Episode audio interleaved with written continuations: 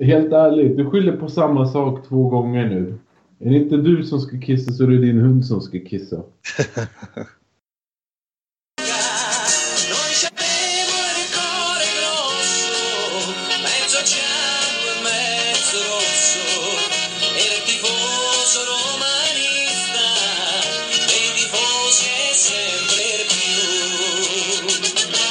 Hej och välkomna till tredje avsnittet av podcasten Foro Romano. En podcast där vi pratar om Roma och ja, mest bara Roma.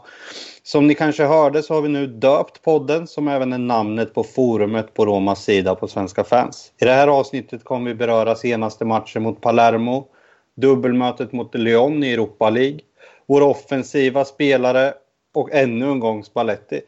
Men jag tror nog att vi drar igång med Palermo-matchen först. Så vi ska se. Soran, du är ju känd mm. för lyssnarna nu. Vad tycker du om matchen senast?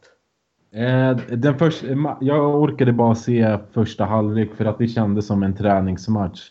Håller ni med mig? Ja. Håller, håller du med mig Jesper?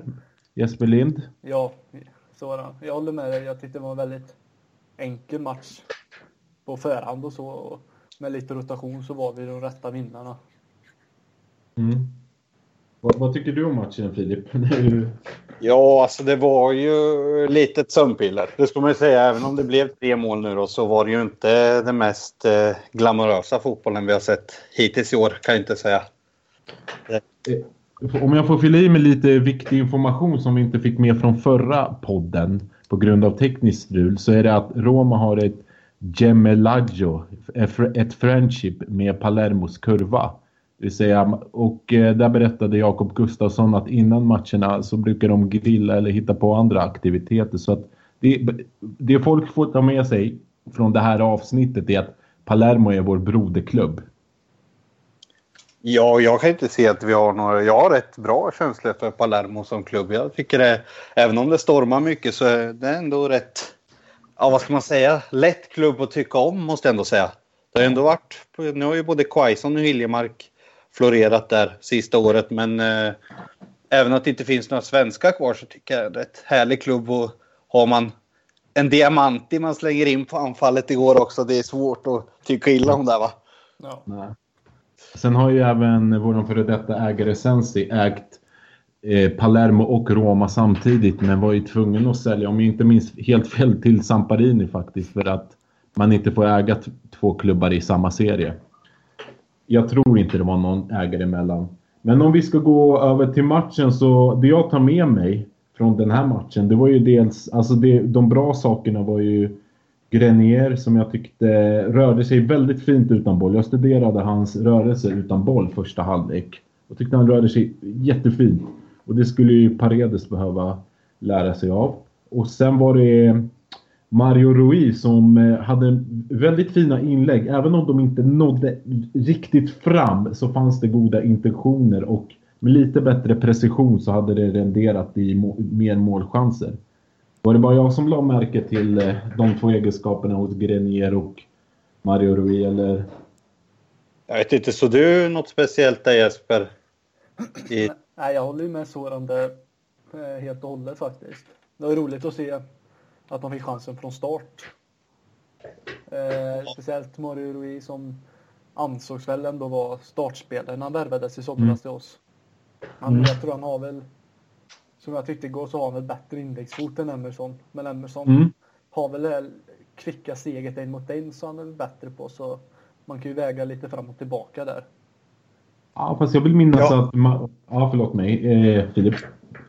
Ja, nej, men jag bara tänker Mario Rui fick ju en ganska svår skada också direkt när han kom. Och det, det, är klart att det tar ju tid att ta sin plats då. Det är ju ingen självklarhet, eller det är ju självklarhet, men jag måste ju ändå säga det. Det känns som att han, han börjar få mer förtroende nu. Och skulle, det skulle inte förvåna mig om han blir en startspelare till slutet av säsongen. Med tanke mm. på det jag såg igår. Sen Grenier tycker jag gör en kanonmatch på alltså platsmässigt. Däremot mm. så ser man ju att han är ju inte i toppform. Alltså.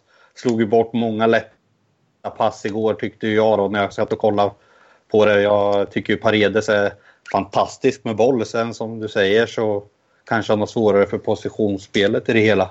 Men mm. alltså vilken teknik. Han alltså, drar ju bort tre, fyra gubbar på mittfältet någon gång i slutet av matchen när de försöker ta bollen från honom. Jag tycker det är en grym spelare istället. Jag, jag, ty jag tycker fortfarande Paredes är alldeles för dålig i rörelsen utan boll och jag satt och funderade lite på vilken, vilken position är den rätta för Paredes och jag kom fram till att spelar man med ett fyra mittfält så blir han eh, mer en Messala, Messala mittfältare, typ Seidorf och sådana som viker inåt i banan. Det tror jag skulle passa honom bra, men nu spelar vi inte riktigt den taktiken. Nej, men så måste man ju även tänka på att alltså, Paredes är 22 år gammal. Liksom. Grenier har ju ändå kommit upp till 26 års ålder. Det, det, det händer rätt mycket på de här åren nu. Jag, jag ser ju en stor potential i Paredes. Ja, fast när Granier var 22 så tror jag han var mer lovande än Paredes. Alltså. Sen har, ja, är det väl ett tecken på att Graniers karriär kanske inte har gått så bra som den skulle. Nej, men sen kan man ju även säga att vi är väl inte kända för att lyfta fram talanger förutom våra egna, om man säger så, som De Rossi, Totti, Florenzi. Alltså ta in utländska talanger, de får ju inte chansen förrän de blir 22, 23, 24 år gamla. Och först då kan de ju få chansen att explodera känns det ju som. Jag vill inte tjata, men om det är Seman så får de chansen när de ska ha chansen. ja, då var vi tillbaka där igen också. Vad tycker du Jesper då, i det hela? in, med, in med Seman nu sista Ja, men om vi, om vi bara hoppar här med Seman. Det, det känns som att det kan bli ett uttjatat ämne. Jag tänker mer på just talangerna i laget. Alltså, om man kollar Paredes, tycker du att det är rätt att han får nöta bänk eller liksom på det sättet som man ändå har gjort fram till nu? Eller borde man ge honom en större roll? Jag tycker man borde väl ge honom en större roll. Därför att får han inte spela så känner jag då utvecklar han sig inte. Man får nöta bänk och sen hoppa in sista två, tre minuterna på match. Eh, men det är ju så, i Empoli så spelar han ju som en liten ankare. Ankarrollen mm. som jag minns rätt. Mm. Det är helt rätt. Helt rätt. Ja, så hade han Zielinski framför sig och Saponara. Va? Saponara, precis. Ja. Då hade han ju ändå två, som jag säger, ändå offensiva mm. eh, innermittfältare och kunde ta den här ankarrollen med att fördela bollen av och sen hålla sig rätt i position alltså. Mm. Ja, framför backlinjen och så. Hos oss har det blivit lite med att han får ta. Eh, känns som att han får ta ibland steg upp och sen får han steg hem. Eh, att han inte riktigt kommit in i just positionsspelet. Men, jag, börjar... Kanske bara för att det kan vara råd, men att eh, Ja, det är i alla fall så jag ser på det. Jag ifrågar hans eh, spelsinne och spelintelligens där. Alltså, jag tycker Grenier visar hur man rör sig utan boll mycket bättre. Och du ser ju hur Radja Nangolan anpassar sig till en ny position. Så jag börjar... Ja, Paredes har inte många chanser kvar. Så kan man ju alltid vrida och vända Espaletti rätt tränare för att utveckla en sån typ av spelare. Är det rätt tränare? Det är ju som inom arbetslivet, alltså med coaching och sånt ena coachar, alltså alla coacher är inte anpassade. En bra coach behöver inte vara bra coach för, för min del. Alltså, han kanske kan coacha mig men inte Jesper, är ni med? På vad jag ja, menar? absolut. Och jag tror att jag tror Paredes skulle, om han fick ta den här defensiva rollen på den här tre, triangelmittfältet, om vi nu ska säga mm. så, så tror jag han skulle göra det mycket bättre och låta Stråtman och Nangolan jobba mycket mer framåt och han fick fokusera på det defensiva betydligt mycket mer. Så det, alltså som sagt, jag, ja, vi ska inte komma in på Spalletti än, men eh, ja, jag, jag, tror inte heller att han är rätt coach att ta det här, den här truppen vidare till ett steg ja. Om man jag, jag, jag, jag ifrågasätter faktiskt Paredes nu i efterhand och jag är kritisk till, till honom. Alltså det måste jag medge, orolig där. Så kan vi casha in på honom så kan vi lika gärna göra det. Jag ser hellre Lorenzo Pellegrini till exempel. Som jag tycker känns mycket bättre taktiskt skolad än Paredes. Ja, alltså jag tycker ju att det finns en råtalang i Paredes och det... Alltså 22 år är ju inte en ålder, är ju ingen ålder på en fotbollsspelare. Det finns ju de som har slagit igenom betydligt mycket högre upp i åldrarna och kommit och blommat ut och visat vad de egentligen går för. Men har visat tillräckligt mycket, det, kan, det tycker inte jag att han riktigt har visat. Vilk, hur många matcher har han dominerat eller varit riktigt ja, alltså, bra? Men alltså saken är väl den att man måste ju ändå också genom ett par matcher i rad så han kommer in i det. Då ska han ju få spela kanske 90 minuter, 4-5 matcher i rad. Då, först då kan man ju börja utvärdera det. Det går ju inte liksom att han spelar 90, sitter 2, spelar 70, sitter 3. Alltså, få komma in i 20. Det är liksom... Det är ju aldrig lätt för en spelare om man inte får regelbundet med speltid. Så är det ju. Det är ju för alla spelare egentligen. Men, men du, måste, du måste ju samtidigt ta chansen när du väl får den. Alltså, det visar ju El Sharawi förra året. När han fick chansen, debuten, gör han mål och sen gjorde han mål efter mål efter mål. Liksom. Du måste ju ta chansen någonstans när du ändå Jo, men han har, han har inte gjort bort den. Nej, nej alltså det går ju även, jag förstår vad du menar. För tittar man på Dzeko så har han gjort betydligt sämre insatser. Alltså till ditt försvar. Men ändå fått chansen. Men då har ju Dzeko en... Eh, ja, har ju ingen konkurrens heller så det är kanske nej. inte så konstigt. Nej, nej absolut. Det, det, är väl det som... Alltså inte med Spalletti som tränare har han ju ingen konkurrens. Eh, med, med Semans hade jag haft Totti som konkurrens. Nej, mm. men alltså många andra tränare så hade ju gett mm. Totti chansen i det här läget. Men fortsätta med Dzeko när han inte gjorde mål. Nej, så är det. Men, Men om, vi kan... går till, om vi går tillbaka till gårdagens match och börjar eh, bakifrån då, backlinjen. Nu var det väl inte en match som man kanske kan utvärdera defensivt fullt ut heller då, men eh, jag vet inte vad ni tyckte. Jag tycker fortfarande det ser lite lätt oroligt ut trots att vi möter Palermo. De får ju ett bortdömt mål där ganska fort in i matchen som är tydlig offside, men det känns ändå som det är en liten miss från backarnas håll. Jag vet inte, vad, vad säger du Jesper? Ja, jag tyckte vi inledde lite oroligt där, men ja, nu blir det inte mål och det är det enda där som räknas egentligen i mina ögon. Och att, och att vi höjer oss. Ja, inte jättemycket kanske, på, men det känns som att vi stegrade det som i matchen gick. Men eh, under 90, inte 90 minuter, men det kanske 60 minuter var lite oroligt hemma tyckte jag ändå. Mm. Mm. Kan du hålla med Soran eller? Jo, jag håller ju med men då kan man ju fråga sig varför spelar man med Juan Jesus? Är det för att eh, få upp hans värde eller är det för att spela in han och då, då, då kan man ju vända på saken. Kollar man på Juan Jesus, hur mycket speltid han får kontra Paredes så får ju Juan Jesus betydligt mer än Paredes. Nu kommer jag in i den diskussionen för att eh, ge en rättvis bild av det. Och jag tycker inte Juan Jesus heller...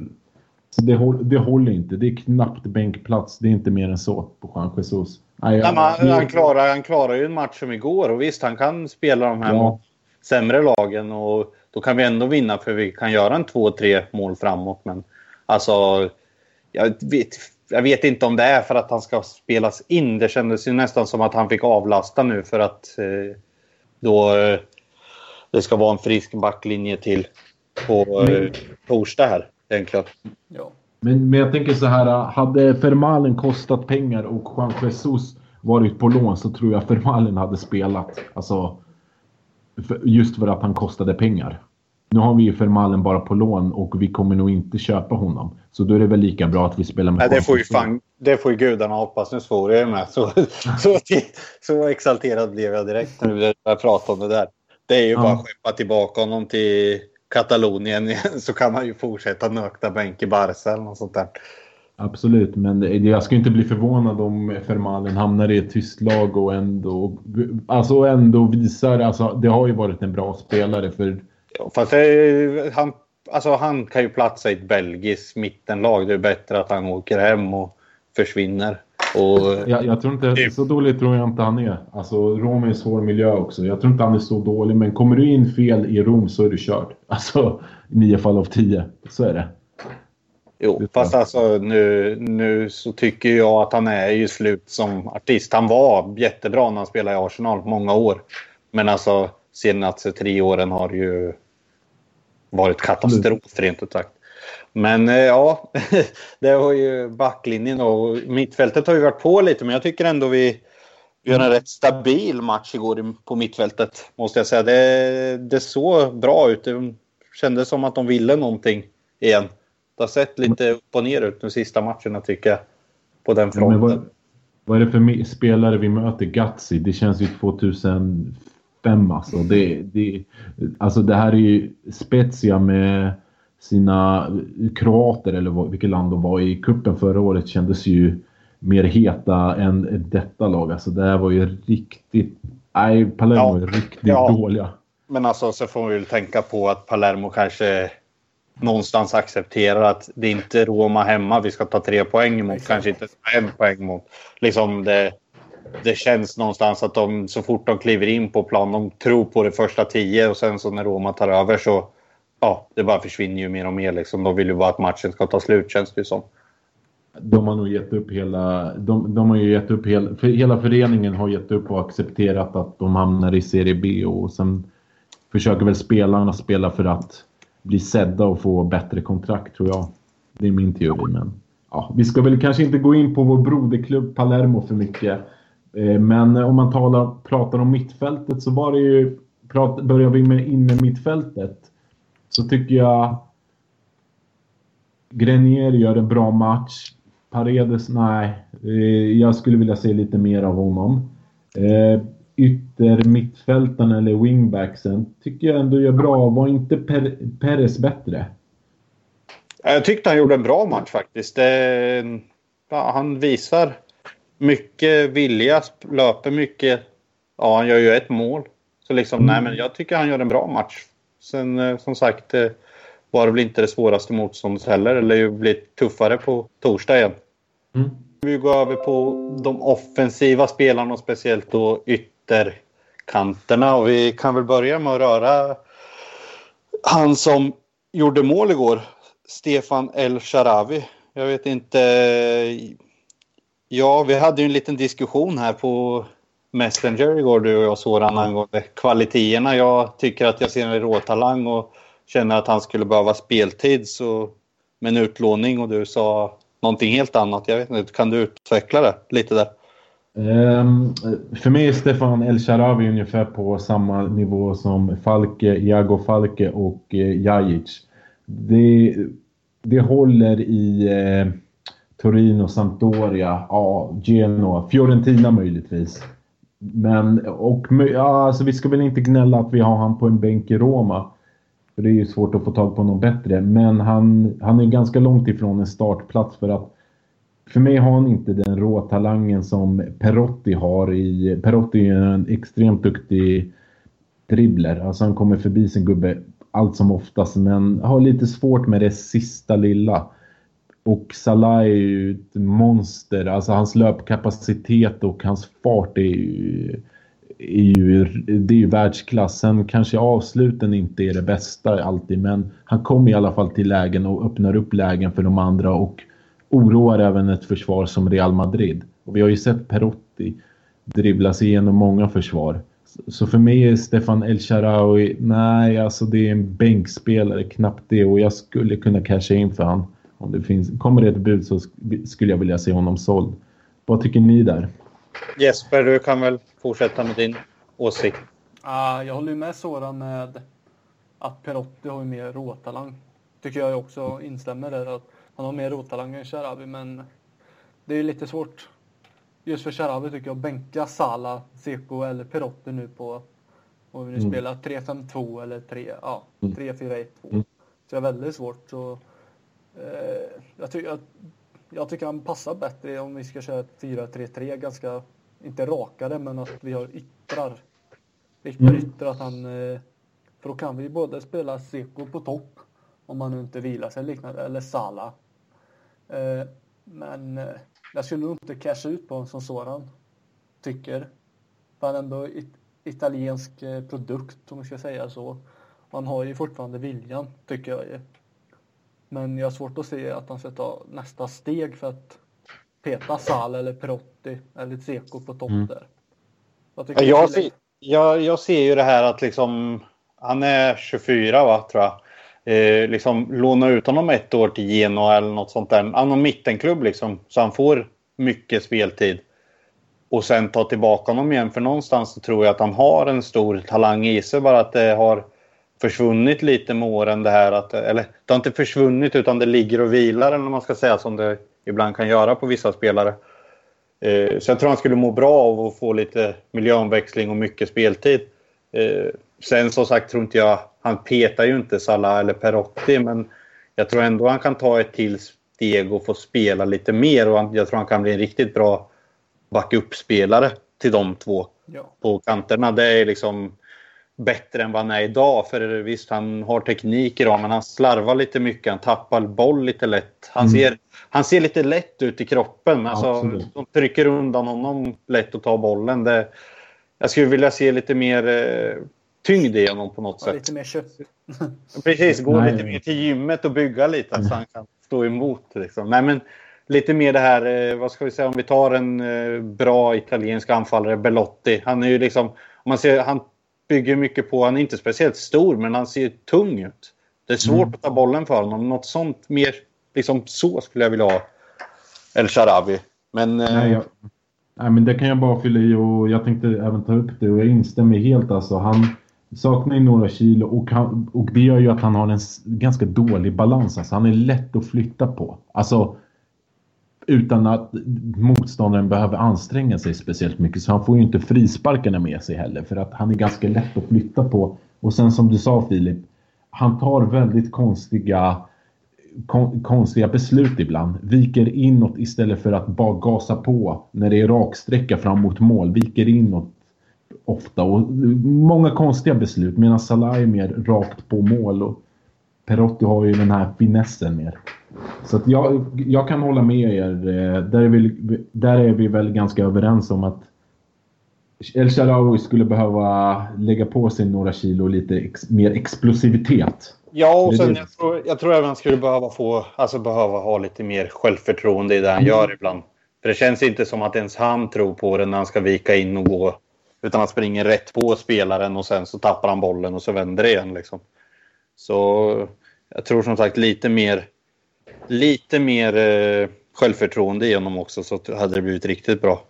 Lite mer Seman eller? Nah, Nej. Mer självförtroende säger jag igen. Eh, Nej, jag har en fråga till er angående Sharawi då. Eh, om vi nu skulle låna ut honom eller casha ut. Vem ska vara backup till Salah, Perotti eller Seko? Förutom mm. Totti. Eh, Defrel eller Politano till exempel. Beror ju på. Sen har du ju Florenzi där. Om han inte hade varit skadad så... Alltså jag, skulle... ja, jag hade ju velat köpa tillbaka Ricky. Det är ju en spelare som jag tycker har gjort det riktigt bra i Sassuolo. Ja. Roma-talang. Varför inte ta tillbaka honom, ha honom som backup. Han, han har utvecklats när han har fått spela. Det är inte det ganska lätt position att hitta alltså, många talanger på? Det känns ju som att just på denna position så finns det, det är inte den svåraste positionen att hitta, alltså hitta ersättare på. Kanske inte i Italien men i andra länder. Det är ju där de bästa kommer fram också, känns det som. Ja, men alltså det räcker ju många gånger med att du är snabb. Alltså snabb, hyfsad teknik så kommer du långt på en kant liksom. Det, det ser man ju på många spelare att det kanske inte är de mest bolltekniska spelarna egentligen, men de har jag tänker väl på Theo Walcott eller Oxlade Chamberlain i Arsenal. Båda två. Alltså, de hade väl inte överlevt i Italien, eller? eller Nej, men jag, tänk, jag, tänker just det här med att liksom, de hade ju inte ens överlevt i toppfotbollen om inte de hade haft sin snabbhet. Det är det jag menar. Att ja, jag liksom, de, eh, de lever på att de är snabba och det, så, det räcker mycket många gånger med det för att du ska lyckas och bli en bra kantspelare. Sen, eh, ja. Liksom, så jag, jag håller med dig. Det känns inte som något konstigt egentligen. Vi ersätter det ju bara ge sig ut på marknaden så finns det en handfull att köpa om vi bara har pengar till det. Och en sak jag har noterat med eh, El Sharawi när han har spelat är att han när han har startat så har han i princip alltid blivit utbytt i 60, 60 eller 70 minuten. Och det tror jag har med hans dåliga defensiva jobb. Han är riktigt dålig defensiv. Han går bort sig så lätt alltså. Det... Kan det vara så att han slarvar med försäsongsträningen då? Vi kanske har, vi kanske har sett någonting här i dålig fysik. Ja, ja, det, det, ja nu kanske vi får ihop det hela. Ja, så vi tror att han har slarvat. Ja, precis. Nej, men det, det, jag tror nästan det. Det känns som det ibland. Jag håller med dig. Det, han blir trött också i många ja. 70 Han orkar inte mycket mer känns det som. Nej. Ja, men jag kan hålla med. Men där, där kan vi ju se förbättring på den positionen. Men det är, jag skulle, som vi sa tidigare om Dzeko så är vi väl alla överens att går det så kan vi casha in på, på Dzeko och försöka hitta någon annan anfallare, typ Belotti om det ens är möjligt. ja, det, ju... nej, men alltså den, eh, han, de kommer ju, det kommer bli för dyrt. Men alltså jag tycker vi, man ser, alltså som igår, visst han gör ett mål men alltså man ser fortfarande brister i honom. Han är ju inte, han är ju inte den här toppanfallaren som vi behöver egentligen. Han är mm. inte kreativ på något sätt och vis. Och det känns som att man skulle behöva någon slags kreativ längst upp också som kan göra sina egna rider också och komma runt. Det känns som att han blir, han blir lite stabbig även om han nu har gjort 30 mål i år. Liksom det, alltså han har ju varit jättebra men... Ja, det är svårt. Det känns som att det finns fler anfallare som skulle kunna lyckas göra 30 mål om man fick spela varje match. Alltså, Roma. Nej. Nej, nej, nej, det, han, han, han, kostar för mycket och ja. vi bryr sig mest om utseendet tänkte jag säga. Men han har en jävla fysik Borrell fortfarande. Helt sjukt alltså. Han, han slarvar inte med försäsongen. Det gör han inte den där jäveln. Alltså, alltså, någonstans, ja, alltså, någonstans, han har ju bara den fysiken för att han ska kunna få så mycket tjejer som möjligt. Det, alltså, det är ju nästan helt hundra på. Ja, det enda, det enda han kan med huvudet är nicka också. Sen, han, han är inte den smartaste sägs det heller. Så. Ja. Jag, jag gillar Borrell ändå. Det är en, på något sätt gillar jag Borrell och har stor respekt för honom trots att han har varit runt i klubbar och så. så. Ja, nej, men jag tycker det är en jättebra anfallare att ha som backup. Men mm ja, nej, men om man kollar. Jag tror ju att alltså, om vi även pratar ersättare så har vi ju även Florenzi som är skadad som kan spela där uppe. Även om han gör det superbra som högerback så är han ju även väldigt flexibel. Han går ju lika bra uppe på en högerkant uppe i anfallet. Absolut. Och han, gör, och han gör ett jävla jobb defensivt. Alltså när han väl är där uppe. Han, och springer på de ytorna tränaren vill och så tror jag. Han är, jag tror han är en dröm drömspelare för en tränare. För ger du honom ett taktiskt direktiv så kommer han följa det till, till punkt och pricka. Så att jag, ja, men jag gillar Florenzi. Även om han har andra begränsningar. Ja, precis. Nej, men det, jag tycker ändå det är någonstans han bidrar med så mycket mer än bara kvalitet i spelet. Det är ju jävlar anamma också liksom som... Ja. Mm. Men nu ska ju tilläggas att uh, om folk börjar reagera på att jag sa att Jack har gjort 30 mål, det innefattar ju alla kupper mm. och ligan så folk hänger med på det. Det är ju svårt att samtidigt kritisera Dzeko för han har gjort tredje mest mål i italienska ligan. Alltså, han ligger trea på, i skytteligan. Vilket, ja, nej, men jag, säger inte, jag säger inte att han är dålig, men nej. det känns som att liksom, det kan fastna många gånger. Att ja. om inte han har en bra kväll, ja, men då blir det svårt för oss att göra mål. Ja. Det, jag men, vet inte om du håller med också Jesper i det här läget. Jo, jag håller med på nästan alla punkter egentligen. Så. Men eh, man saknar ändå den här lilla känslan att kasta in en liten yngre toppforward ifall Zeko går sönder eller nu ja, helt kanske blir avstängd, man vet ju inte. Men mm. eh, just eh, att eh, känns som att vi har den här vad ska man säga, ha honom som inte är sista alternativ men att lyfta bollen högt och långt på honom. Alltså inte långt som i djupled men nästan på kropp så han kommer ner och möter och eh, ja, toucha vidare, man ska säga. Eh, och det känns som vi skulle sätta in en som eh, Sala, vi säger till exempel, alltså som ensam forward. Så kommer inte han göra samma jobb. Om ni förstår. Mm. Så därför gillar man ju lite när, om jag uttalar det, Sadik Umar kom in. Mm. Det är liksom lite sånt där man saknar den känslan lite att kasta in en yngling om jag säger så. Inte junior men eh, sån som är riktigt på hugget så. Ja, men vi går väl vidare på dubbelmötet i Europa League tänker jag. 4-2 borta i Frankrike. Nu vänder vi tillbaka och på torsdag så ja, en ny match väntar. Vad, vad tror du Jesper? Ja, hur stora chanser vi har? Eh, ja, att... överlag. Vad tror du om matchen som kommer? Stor chanserna till att gå vidare? Allting. Den kommer nog bli minst lika tuff som bortamatchen blev.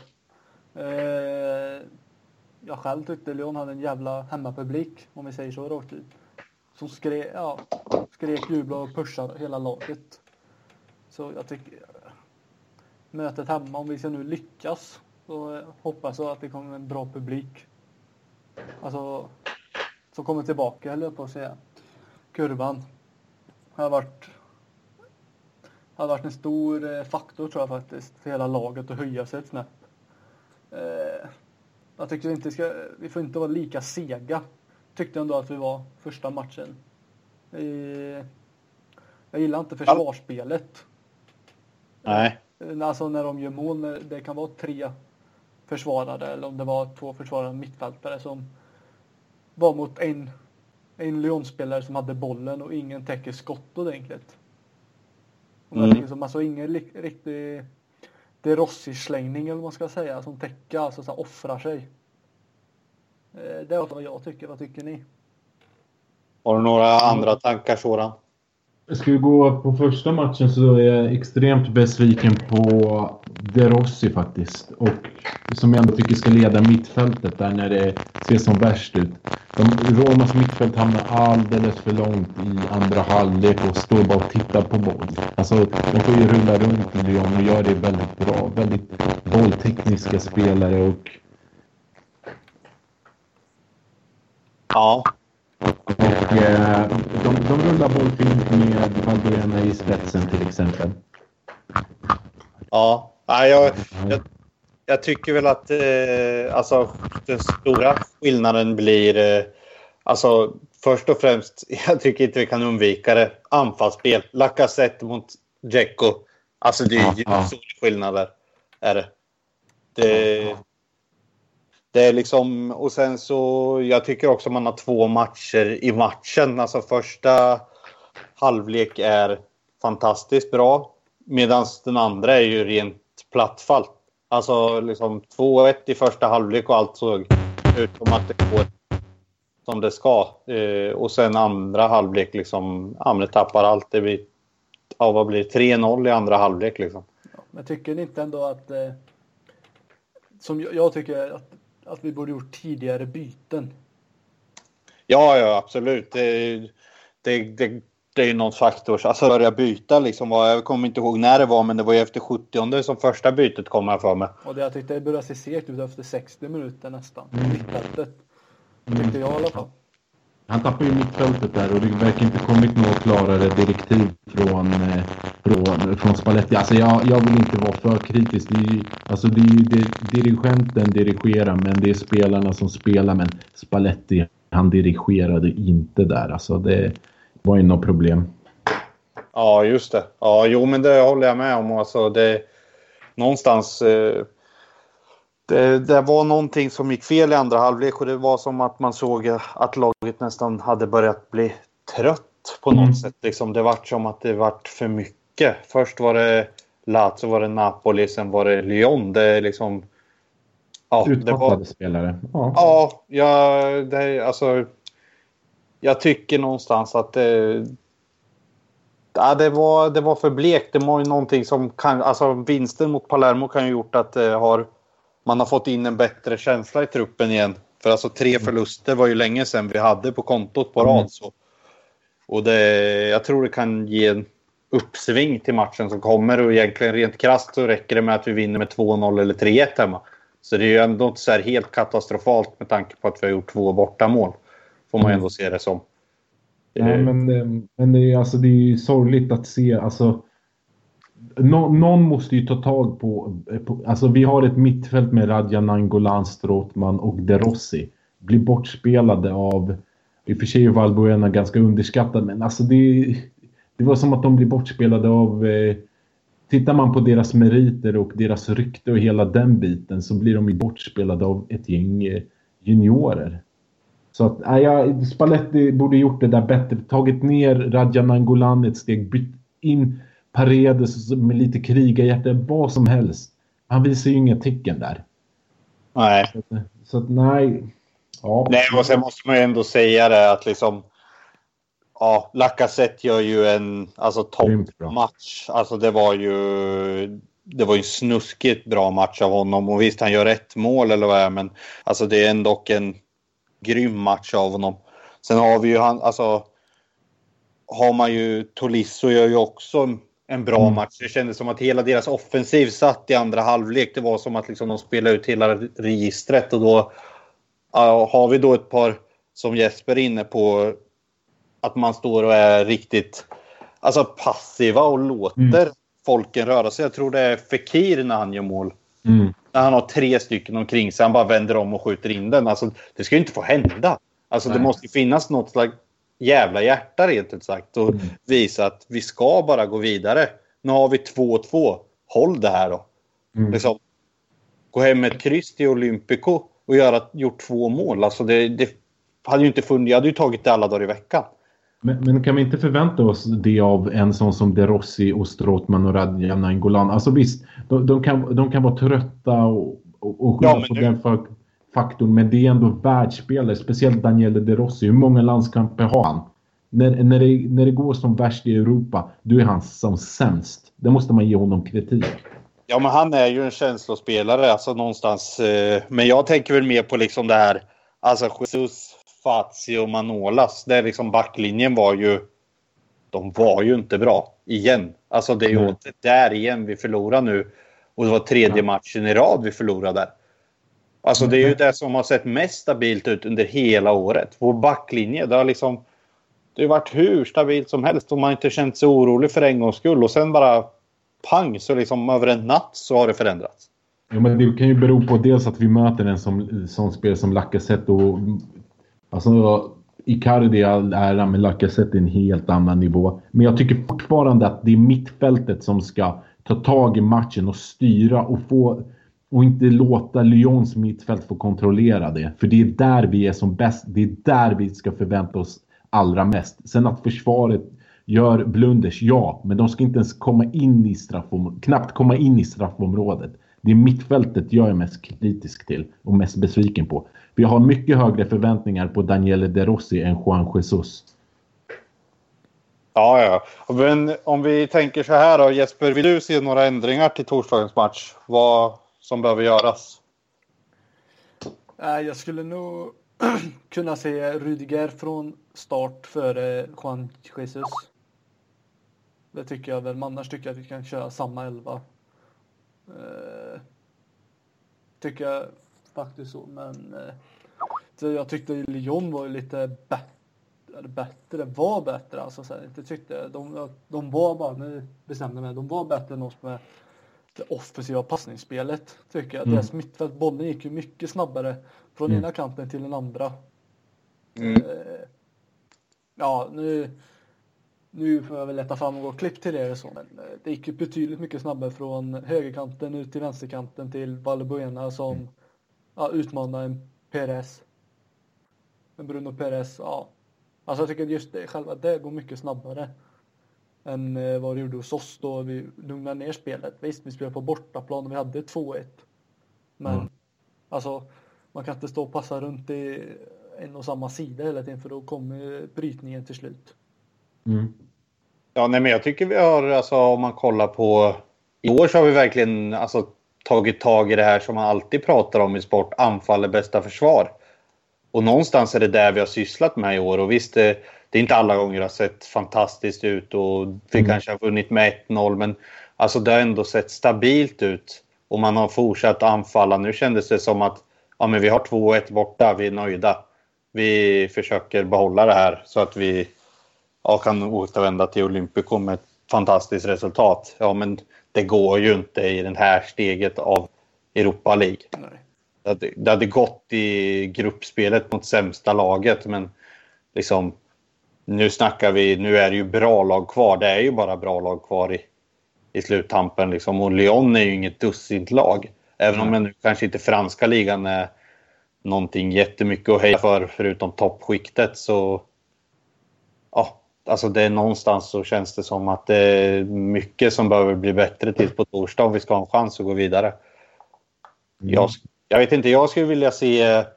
Jag skulle nog vilja se ändringen att vi nu ska vi se, alltså vi började ju som sagt med Jesus senast och det är ju inte någonting vi kan göra nu igen känns det ju inte som. Eh, sen så skulle inte jag vilja ha det här. Alltså för nu blev det nästan, eh, jag skulle nästan vilja gå tillbaka till ursprunget att liksom vi, vi börjar om. Det är liksom var var vi innan matchen mot Lazio? Och jag tycker att en sån som Perotti ska få chansen från start den här gången. Jag tycker han eh, kommer in senast och gör en jätteskillnad i matchen ändå mot, eh, mot eh, Lyon fast han inte får så många minuter. Jag tror att han fick eh, ja, fem minuter men han visar ändå någonting de fem minuterna. Så det är väl en ändring jag skulle vilja se i alla fall. Mm. Jag funderar på matchplanen. Ja. Förlåt mig, nu tog jag tag i saken på i egna händer. Den matchplanen och den taktiken jag skulle vilja se Roma är ungefär som den mot eh, Napoli där i, i slutet, sista kvarten. Att man spelar lite mer, ska jag kalla det brittiskt eller engelskt med ganska många bollar på djupled mot en Salah. Försöker vinna andra bollen. För De Rossi och Strottman och Radja Nainggolan, det är inte så, alltså det är inte det mest spelande mittfältet. Och det ser man ju mot Inter till exempel. att De är bra på att vinna andra boll och ofta bra på att vinna den högt. Så att man verkligen kör på alltså. Trycker, trycker, ner, trycker ner eh, Lyon på det snabbaste, snabbaste sättet och försöker vinna andra bollen och börja därifrån. Lite klockfotboll eller vad man ska säga. Att man bygger en offensiv press. Man vill få pressa dem offensivt. För där tror jag att Lyon kan bli otrygga. Får de bygga upp spelet, då är de nog bra. Vad tror ni om det, Jesper? Nej, jag håller med dig med att kunna lyfta ja, alltså med det här spelmaterialet vi har på mitten. Är ju så, alltså, det är bollsäker visst, men man behöver ju också lite tempo i det. Samma mm. med Strotman, jag tycker han inte vikit ner sig, men innan skadan så tyckte jag att han var snäppet bättre med att fördela bollen. Eh, han, han är fortfarande en jävla grinta och det tycker jag tar honom mm. långt i matcher då man kan se honom. Och vilka var det? Ja, nu har jag glömt av, men när han löper upp på vänsterkanten först sedan slår inlägg till Nangola när han trycker in bollen. Om ni minns vilken match. Oj. Ja, ja, det är ju ett tag sedan, men jag vet vilket ja, mål du menar. Men just ja. att, eh, att en innermittfältare, alltså mm. som tar en sån jävla löpning bara för inte bara för allt, men liksom för så här. Och sen få in det. Alltså sånt gillar jag. Men, ja, men då ska vi... Men då, jag, bara, jag bara tänker och då kommer vi till nästa fråga där vi tänker beröra då Spalletti. Och jag, då blir min första tanke, har Spalletti matchat spelarna fel? Har han pushat dem för hårt? När det kanske har varit matcher som man hade kunnat hålla igen på de mest tongivande spelarna för att de skulle hålla det här tuffa spelschemat. Det är ju inte så att det kommer som en överraskning. Han visste ju vad som väntade. Jag vet inte, vad, har du, vad tycker du Soran? Var helt ärlig så är det egentligen en hypotetisk fråga men vi sysslar väl med sånt på, i den här podden, spekulerar och spår och annat. Så att nu i efterhand kan man ju tycka att ja, han matchade vissa spelare alldeles för hårt och eh, kanske, kanske hade fel taktik mot, mot eh, Napoli och även Lazio. Han, han, måste ha mer grinta mot Lazio. Spela med juniorerna, bara det är grinta. Alltså, alltså det är derby, derby är derby.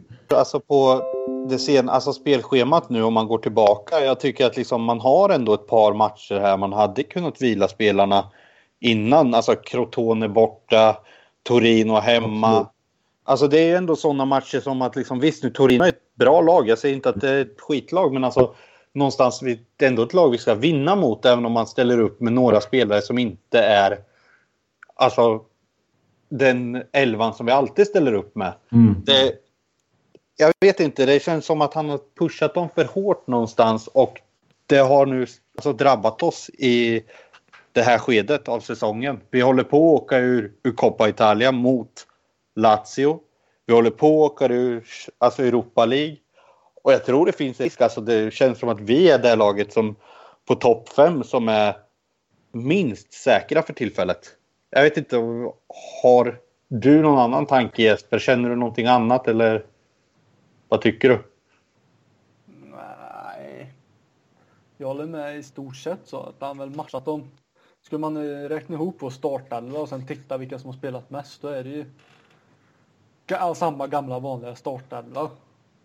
Jag tyckte Nailo Gunn spelade, han spelade 90 minuter mot Palermo i helgen.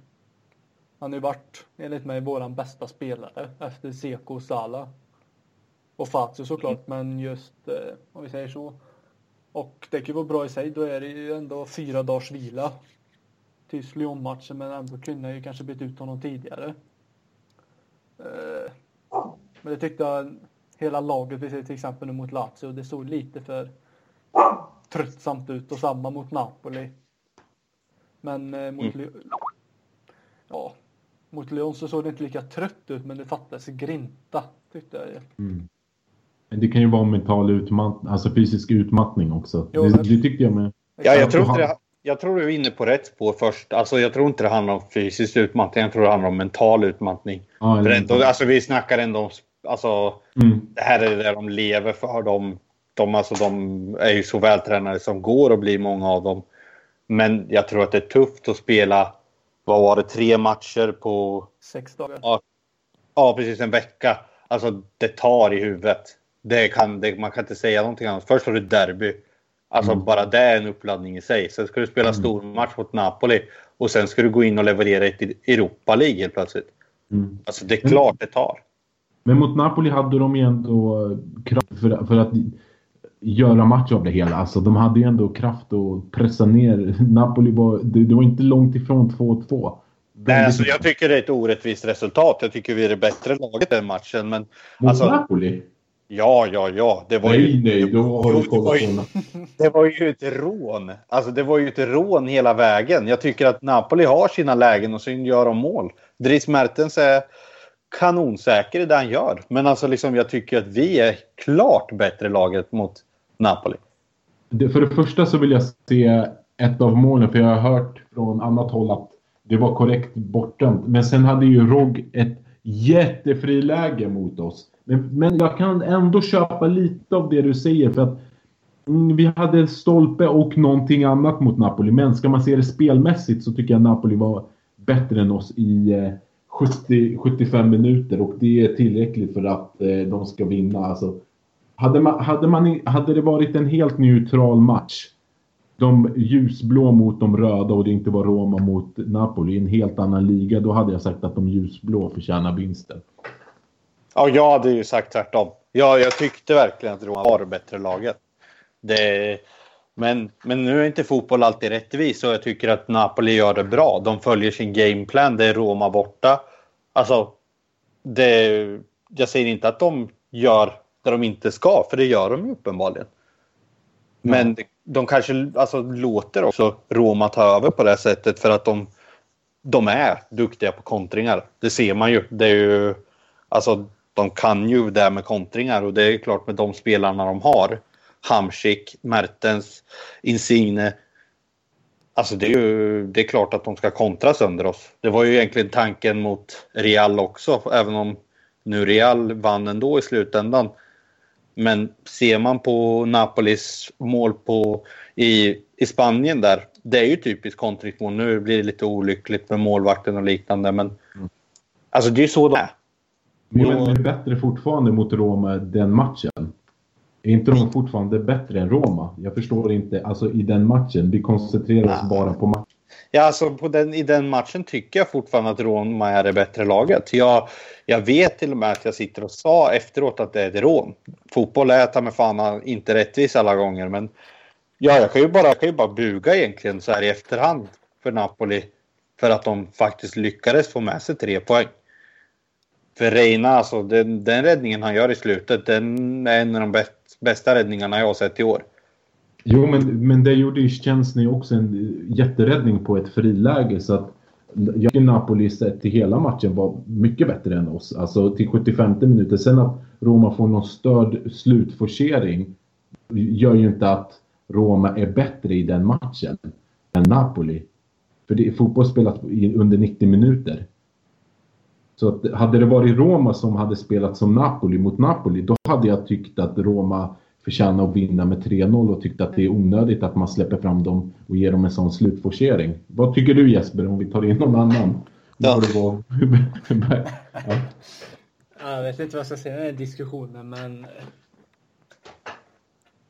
uh, jag vet inte vem sida jag står på egentligen men alltså jag tycker väl under 90 minuter var Napoli bättre men uh, som sagt, det sista forceringen, det gjorde ju nästan så att man säger, mig, att man säger att matchen var jämn.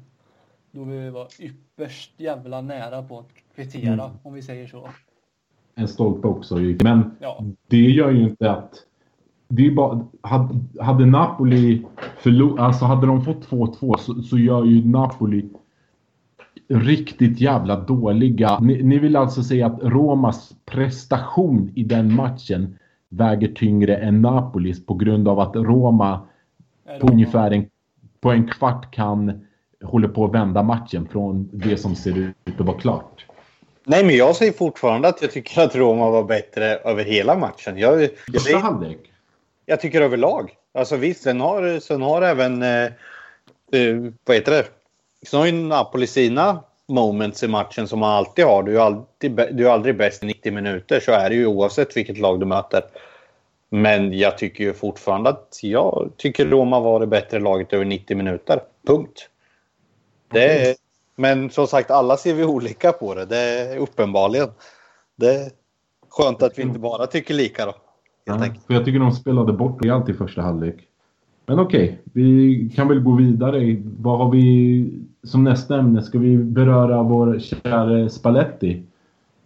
Vad tycker ja. vi om Spalletti numera? Ordet är fritt. Ja, alltså kollar man på det var väl lite där vi börjar med här nu tänkte jag säga. Och försöka gå in på mm. det och fastna lite i Napoli. Men nej, det jag ville få fram var väl att jag tycker att det, det har matchats fel. Och det märks nu. Det, det känns som att det brister. Det, många många Roma-supportrar tycker fortfarande att han har gjort det bra. Och visst, han har, har gjort det bra. Men de vill fortfarande fortsätta ha kvar honom. Jag är väl av en annan tanke. Jag känner väl att han börjar komma till sitt slut hos oss nu faktiskt. Det känns som att idéerna börjar sina.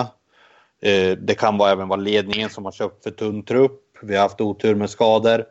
Men han känns inte som rätt man för jobbet längre. Det känns som att han antingen ska han liksom säga det jag kör säsongen ut, sen tackar jag för mig Alltså, eller gå snart om det fortsätter den här kräftgången. Det är liksom antingen eller. Mm. För eh, så här tycker inte jag vi kan fortsätta. Jag vet inte, har du, vad tycker du Jesper? Nej, jag tycker han eh, får gärna lämna efter säsongen faktiskt. Visst, det kommit, han har kommit in med nya idéer, nytt, ja, nytt spelsätt jämfört med Garcia. Lite mer vinnarskalle tycker jag verkligen. Mm. Och att han, Även så en fördel att han är italiensk jämfört med Garcia kanske kommer in lite mer. Och han har ju varit hos oss innan. In, innan nu han kom till oss. Efter Garcia då. Men det eh, känns som att vi behöver nytt. Lite mm. nytt blod och lite mer. Ja. Något nytt vill jag. Jag vill se något nytt hos oss. Kanske inte någon galning höll jag på att säga men eh, det är Francesco. Det verkar vara intressant. Det är Francesco, okej. Okay. Mm. Eh, visst har det gått så bra den här säsongen för dem. Åkte ut eh, Europa League-kvalet. Mm. Om jag minns rätt. Eh, går väl lite knackigt men de har ju varit på, De förlorade ju senast mot eh, Bologna. Men eh, jag tycker de har höjt sig nu de sista tre, fyra matcherna. Men eh, det är i alla fall jag skulle kunna se hos oss. Mm. Vad, vad tycker du då Soran? Eh, för mig var ju jag var kritisk mot Spalletti och redan när han tillsattes för jag tycker inte man ska gå tillbaka till ett förhållande som inte har funkat tidigare. Men eh, han har väl alltså, han har gjort det bra och jag tror man kommer hamna någonstans mellan två och trea och han har gjort sitt jobb som tillförordnad tränare. Mer än, alltså han kommer inte, kom, han kommer inte ta Roma till nästa nivå. Det har Capello och typ Lidholm Lidholm grejat. Spalletti kommer inte... Han är inte på den nivån. Och eh, för allas bästa, är det så att han är klar för Juventus är det för allas bästa så tror jag det är en ganska bra bra lösning. För Rom, Roma skulle behöva en ny tränare och ja, återigen välja alltså välja väg. Alltså vad vill, vill man satsa nästa år? Och Spalletti ser inte att vi kan ta det till en ny nivå. För Spallettis del så är nog Juventus bra för jag, han kommer nog få några titlar där om det inte går helt åt skogen. Men Juventus är på en sån nivå så att jag tror inte de är så pass beroende av Spalletti utan man har så pass bra grund. Och eh, nu när det går in på Di Francesco väljer man en väg där man vill satsa på ungt, italienskt, lovande och bygga lite grann och ge det två, tre år, då är han bra. Men eh, väljer man att eh, Di Francesco som för övrigt är Seman-skolad och en gammal Seman-favorit, det måste ju komma in för att eh, folk måste förstå det här med Seman. Folk pratar för dåligt Seman. Det var faktiskt han som eh, dukade upp bordet i Capello innan Scudetto, men det tycker jag inte göra någon större grej av. Men eh, väljer vi att satsa så så är han bra. Men ska vi vinna titlar, vilket jag tycker vi har chans till om vi spetsar med några smarta och bra nyförvärv, så behöver vi först och främst en sportchef. Monchi vore ju dröm. Och en etablerad tränare och det tror jag vi inte kan få. Har vi Massara som sportchef då är Di Francesco det bästa vi kan få ungefär. Har vi Monchi så tror jag han kan locka till sig någon bättre tränare. Ställa in ett projekt. Ja, och Monchi har ju ryktats klar nu i veckan som har varit. Så det är ju liksom... Mm. Sen är ju... Ja, rykten går ju alltid, men det känns ju att ju mer det ryktas desto närmare sanningen bör vi ju komma någon gång. Ja. Det, det måste ju ligga någonting bakom ett rykte. Vad tror ni, vad tycker ni om Monchi? Alltså ordet är fritt. Alltså vissa är emot honom på grund av att han är spanjor vissa Italien-kännare och vissa som jag tycker att han som ett geni. Vilken sida står ni på? Spännande tycker jag. Det ja, det tycker jag. Det är ett väldigt spännande val. Om man skulle gå till oss och prova, prova något nytt. Känns lite som också där. Något nytt in i klubben och ja. Ja, varför ska man fastna i alltså, samma gamla italienska sportchefer som rullar från klubb till klubb hela tiden? Det känns som att vilka ja. tänker du på då som rullar från klubb till klubb? Nej men alltså man ser ju det oftast att eh, om du har någon underifrån som du tar upp ja. till en större klubb. Den misslyckas, går tillbaka till en mittenklubb, gör det jättebra. Får chansen igen, det går sådär. Nej men liksom, det har ju hänt mm. gång på gång och det känns som att kan inte vara en sån klubb som faktiskt gör någonting nytt, spännande. Som Jesper säger, att våga testa lite. Vadå, det kan väl inte mer gå mer än åt helvete. Vi har ju värvat in Fermalen liksom. Det var, kan bli, vad kan gå sämre? Kan vi verkligen mm. göra en sämre köp egentligen än det? Mm. Nej men visst, och sen har han ju... Han verkar ju ha en bra kunskap kring fotboll och så, men då kan man ju också frågasätta, är tajmingen det rätta? För att när han tog över Sevilla så var det ju... Alltså Sevilla var inte ett etablerat lag till samma press och eh, på honom och då. Samtidigt har väl han växt som sportchef och eh, människa kan man ju tycka. Och det, det, känns som no, det känns som att det, det, är ett bra val just nu och jag kan tycka att väljer vi att anställa Monchi så får ju han välja tränare alltså. Och det, vi bygger det därifrån. Och eh, Di Francesco, jag tror det skulle bli ett jävligt bra par. Alltså Monchi, Di Francesco, då Monchi som hittar de här talangerna kan fasa in dem och Di Francesco som kan, faktiskt kanske kan förädla dem. Ja, alltså det känns ändå som ett spännande radarpar. Jag vet inte, det, det är en tanke jag har i alla fall. Mm.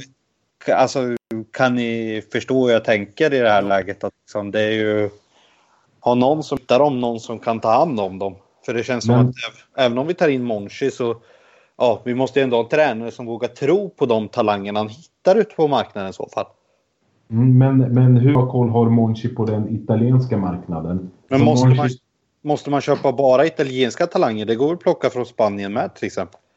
Men Di Francesco verkar Alltså tittar du på Di Francescos lag så verkar han ju föredra italienska talanger. Alltså och speciellt med Roma-kopplingar. Eh, Ricky som du sa, Pellegrini, Politano.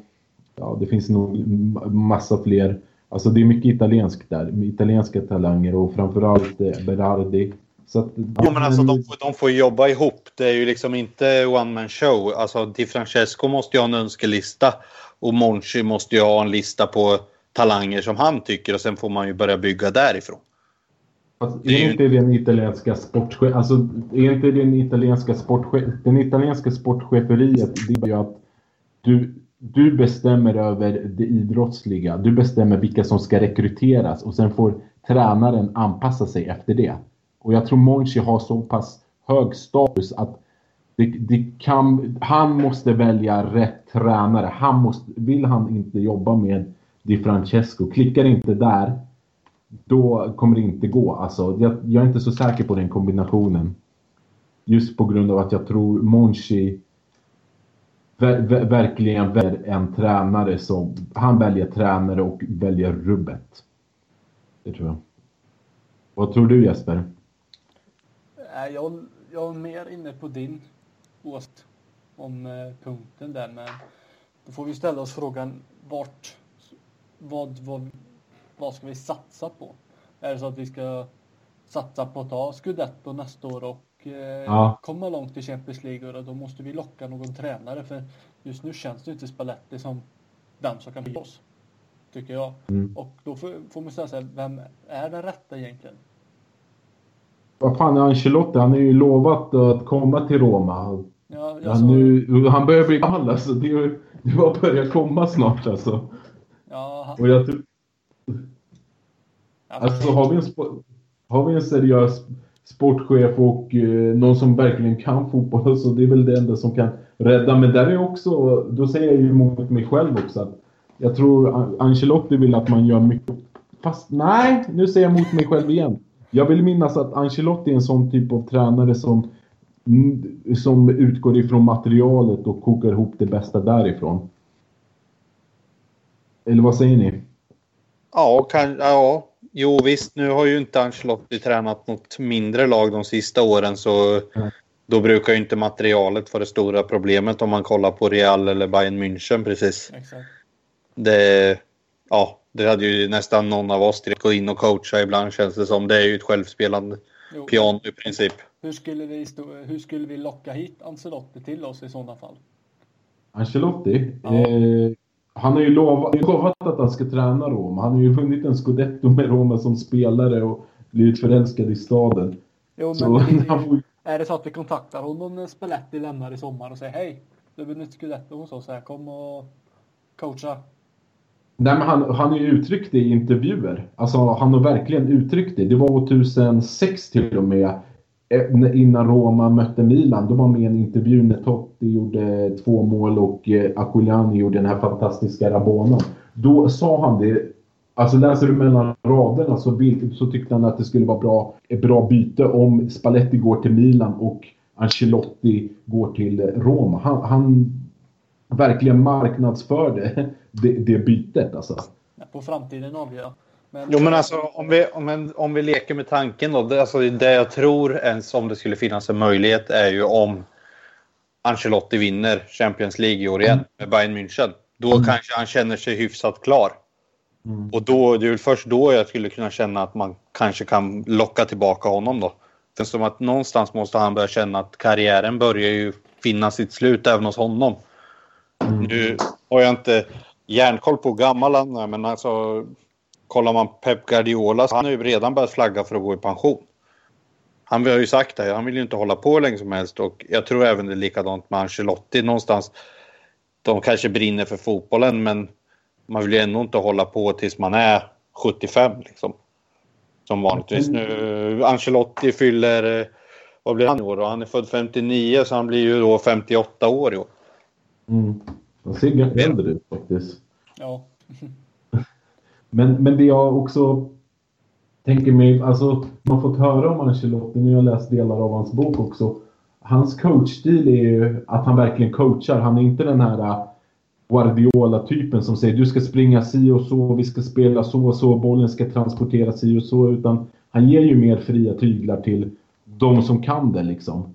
Om man tittar på Real Madrid och de här klubbarna, då var det ju att eh, det, är mer att lös det. Han bollar över det till spelarna. Spelarna får ta mer beslut och så. Och de får spela och han har taktiken till det han har. Så var det också i Milan att han hade ju en gammal trupp där på, i slutet utan att, och gnällde ju egentligen inte så pass mycket och det blev väl kanske inte hans fall men eh, det gjorde ju att han hade några knackiga säsonger där efter Calciopoli där Milan inte kom upp i samma standard som tidigare. Men han vann ju två två Champions League med Milan så att, eh, det är riktigt bra tränare. Det är väl drömtränaren efter Conte för min del.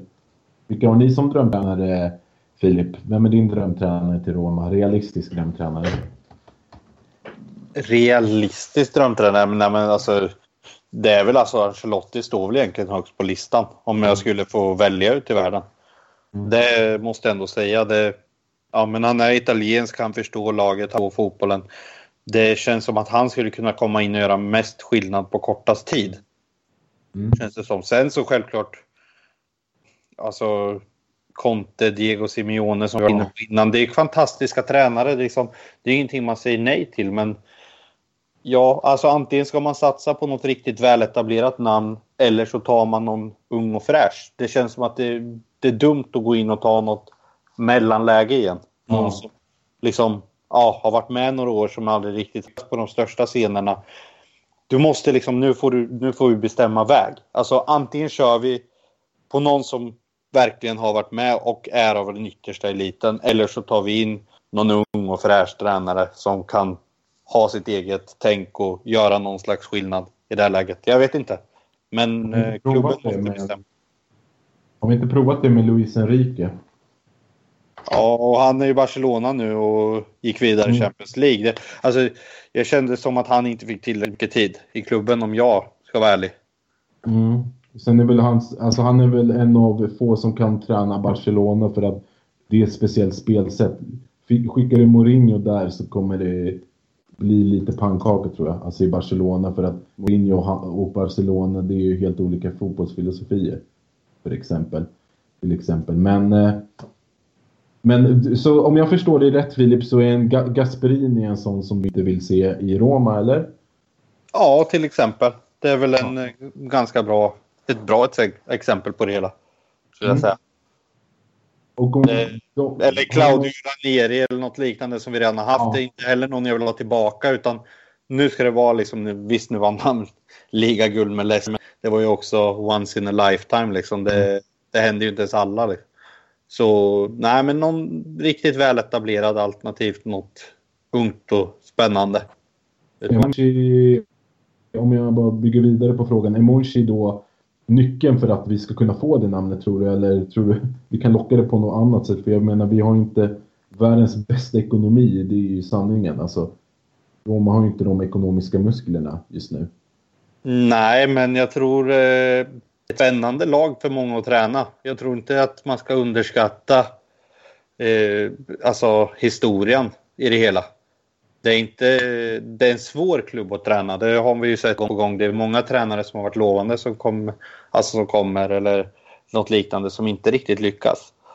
Eh, det går bra. Historia tänker du på då? Förlåt att jag avbröt. För att det känns ju som att Genoa har väl förmodligen lika många scudetto om inte mer. Och Bologna har ju också mer. Alltså Roma har ju bara det. Det får man inte glömma bort. Ja, men nu snackar inte jag alltså, historia på det sättet. Jag snackar mer historia som Alltså klubb med, vad ska man säga, alltså passion. Eh, det är, en, det är en klubb som alltid har varit en storklubb i Italien, även om man inte har kanske varit en storklubb sportsligt så kanske man har ändå varit det alltså passionsmässigt, eh, vad ska man säga, alltså överlag. Det är, en, det är en klubb som är svår att träna. Er, alltså, många om att det är svårt att träna den. Och jag tror det är som eh, tämja ett lejon ungefär. Många skulle vilja göra det och lyckas. Men få gör det. Men, men hur tror du det ser ut? Alltså, har vi, hur är det med attraktionsvärdet? Har Inter ett högre attraktionsvärde än Roma till exempel? Det tror jag inte. Alltså mm. Inter, det, det de kan locka med, det är pengar. Känns det som. Eh, och eh, Roma kan locka med passion och liknande. Jag, jag vet inte, Jesper, har du någon annan tankegång i det hela? Vad, vad tycker du och tänker du i det, diskussionen? Eh, angående tränarfrågan? Ja, men vi diskuterar nu eh, Roma gentemot Inter. Vad, vad tror du i det hela? Liksom, kan vi locka någonting utan bra ekonomi eller behöver vi ha bra ekonomi? Eh, finaste stad. Eh, nej, men... Eh, nej, det är väl just själva charmen tror jag i vårt lag. Som jag satte tämja ett lejon. jag höll på att säga lite, vi har ju potential men det är väl ekonomin som inte förstör men om ni förstår vad jag menar. Men, men, hur, men alltså hur, för, för jag försöker se det rent objektivt för jag har kompisar som inte alls följer Roma och de tycker ju att det är, alltså det är väl en rolig klubb och så men när det går, när det går dåligt så går det åt helvete alltså. Alltså hur, hur, många, hur många tränare kan det lockas? Alltså visst, Roma är väl lite, lite, alltså klarar du dig i Roma så klarar du dig överallt tror jag. Alltså de bästa tränarna, fixar de Roma så fixar de de flesta klubbarna. Är det inte lite så? Vad tror du Jesper? Jo, eh, jag håller nog med dig där faktiskt. Så. Men eh, man ska, inte, man ska inte underskatta ändå Romas, vad ska man säga, påverkan på en sån. Men... Ja, vad tycker du Filip? Nej, men det är lite det jag försöker förklara med alltså, historia. Det behöver inte alltid vara titlar och liknande. Utan, ja, men alltså, jag tycker att det, jag tror man kan locka med så mycket mer än bara pengar i Roma som är klubb. Alltså du har en fantastisk stad, du har en eh, skön stämning när det är ja, fullsatt. Då. Nu har det inte varit där på något år eller två, men liksom där känslan av att gå in på ett kokande Olympico, det är ju inte många ställen i världen du kan få samma känsla vissa, en del tyska, tyska arenor, Sant Etienne's Arena. Ja, men alltså, du förstår vad jag menar, man kan locka med så mycket mer än bara pengar och det någonstans där tror jag att man kan få någon av de stora tränarna att vilja ta Roma och testa om man kan lyckas. Jag, där, där, där är vi oense, för jag tror inte Roma har lika bra rykte alltså, som vi vill framställa. Alltså, passion finns även i Napoli och vi ligger ungefär på den nivån och Inter har en bättre, alltså större attraktionsvärde. Har vi li, exakt lika stor plånbok så har ju Inter ett högre attraktionsvärde på grund av sin sportsliga historia.